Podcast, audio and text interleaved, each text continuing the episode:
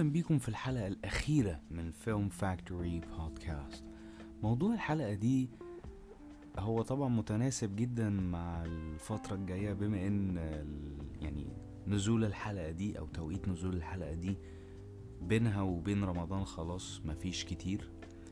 وطبعا إحنا داخلين مقبلين على شهر رمضان كل سنة وحضراتكم طيبين طبعا. وبن يعني وبنتكلم كمان بيه في العموم بره رمضان كمان. فكرة إيه بقى؟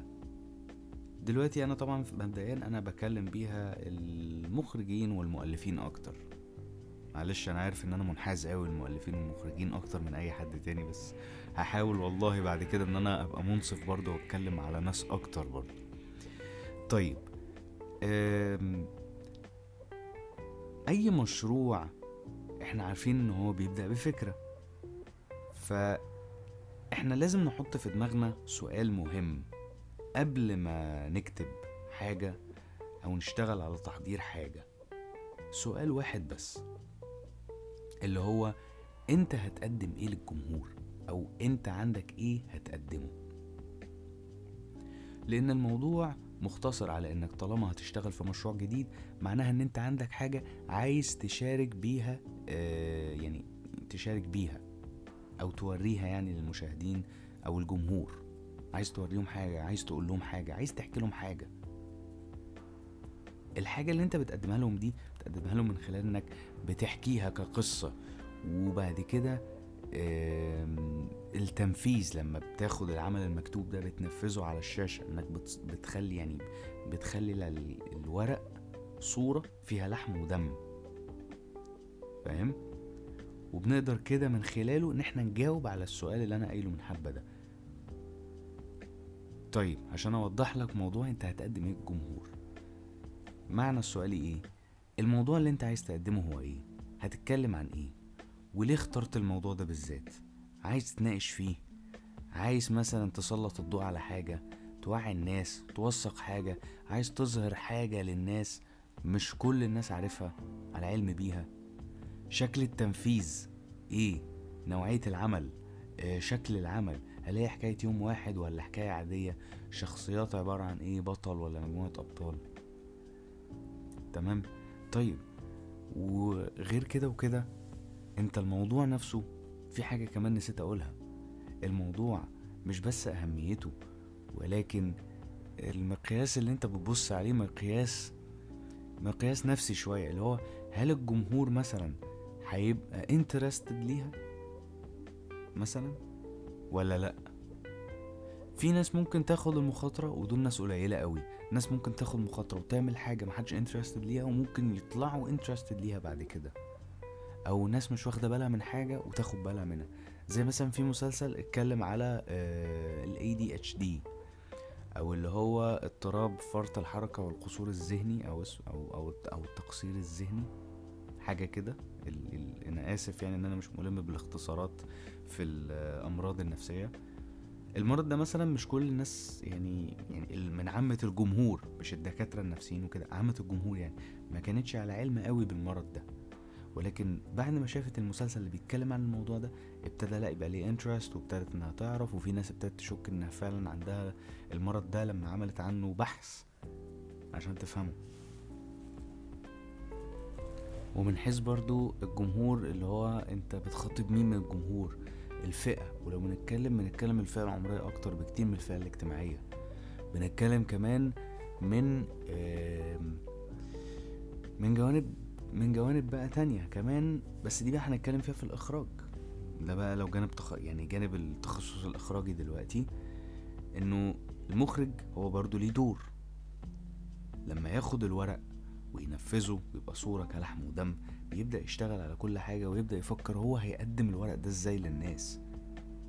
يعني مين مثلا اللي هيختارهم وشايفهم إن هم مناسبين للعمل؟ آه أنت عايز تقدم العمل ده إزاي؟ الشكل اللي أنت عايزه. وعايز تصور إزاي؟ مع العلم إن كل قرار المخرج بياخده بيكون ليه سبب واضح. يعني الموضوع ما بيمشيش عشوائي. يعني من أول الكاميرا للمقاس للمقاس بتاع الكادر أو الشاشة اللي هو الأسبكت ريشيو بتاع العمل ال shot sizes كل حاجة بيكون ليها سبب واضح بيكون ليها موضوع. يعني مثلا في أفلام بالنسبة مثلا لأمريكا كانوا المخرجين كانوا بيحكوا إنه يقول لك مثلا أنا عملت لسبب ما. يعني مثلا كان في فيلم The Grand Budapest Hotel كان في aspect ratio معينة معمول بيها. لما سألوا المخرج قال لهم إيه؟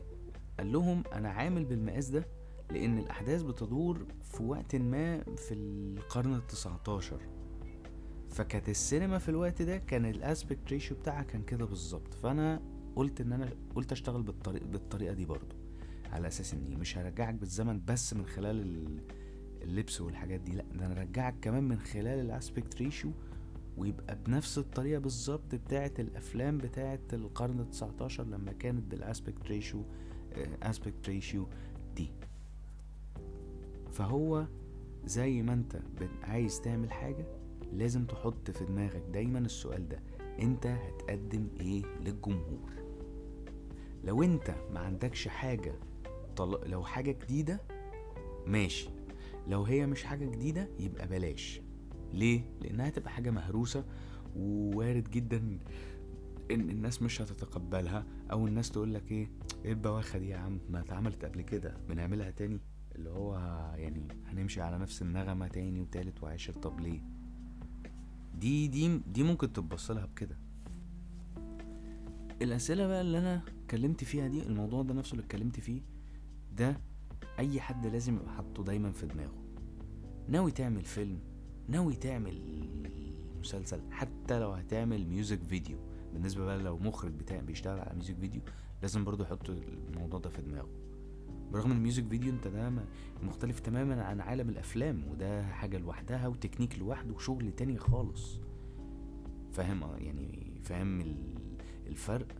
لأن برضو أنت ال music video أنت storytelling بس بشكل تاني. أنت مش بت مش بت مش هتعمل سيناريو وحوار. أنت موضوع مختلف عملية مختلفة تماما. الإعلان نفس الكلام بس الإعلان اللي حكمه إنه في يعني إنه مش يعني إنه المخرج شغال مع team كبير هو اللي بيشتغل على الموضوع. لأن بقى في تسويق وخطة تسويق وفي ناس من ال creative creative team بيشتغل أو ممكن المخرج نفسه بيعمل فلازم ال dots أو الخيوط يعني تتوصل ببعضها. ودي تفاص... دي تفاصيل هنبقى نحكيها في مرة كده موضوع إخراج الإعلانات ده يعني في مرة ما إن شاء الله كده يعني. لو في النصيب أو في أو في المساحة إن إحنا نقدر إن إحنا نتكلم على إخراج الإعلانات وتنفيذ عامة الإعلانات. المهم اللي يحط في دماغه برضو السؤال بتاع أنت هتقدم إيه للجمهور؟ غير المخرج وغير المؤلف؟ المنتج كمان. ده بقى اللي عايز اضيفهولك طب المنتج ليه؟ ما المنتج يا عم فلوس وهيصرفها. بس لو المنتج عنده حتة فنية المنتج فنان هيقدر برضه إن هو يحط في دماغه السؤال ده.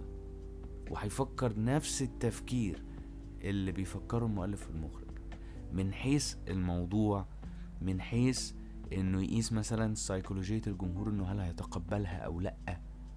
ده مهم جدا لأن في أعمال غير معتادة لو اتعملت هتعمل حالة بلبلة بس بلبلة سلبية. لكن لو حالة من ال...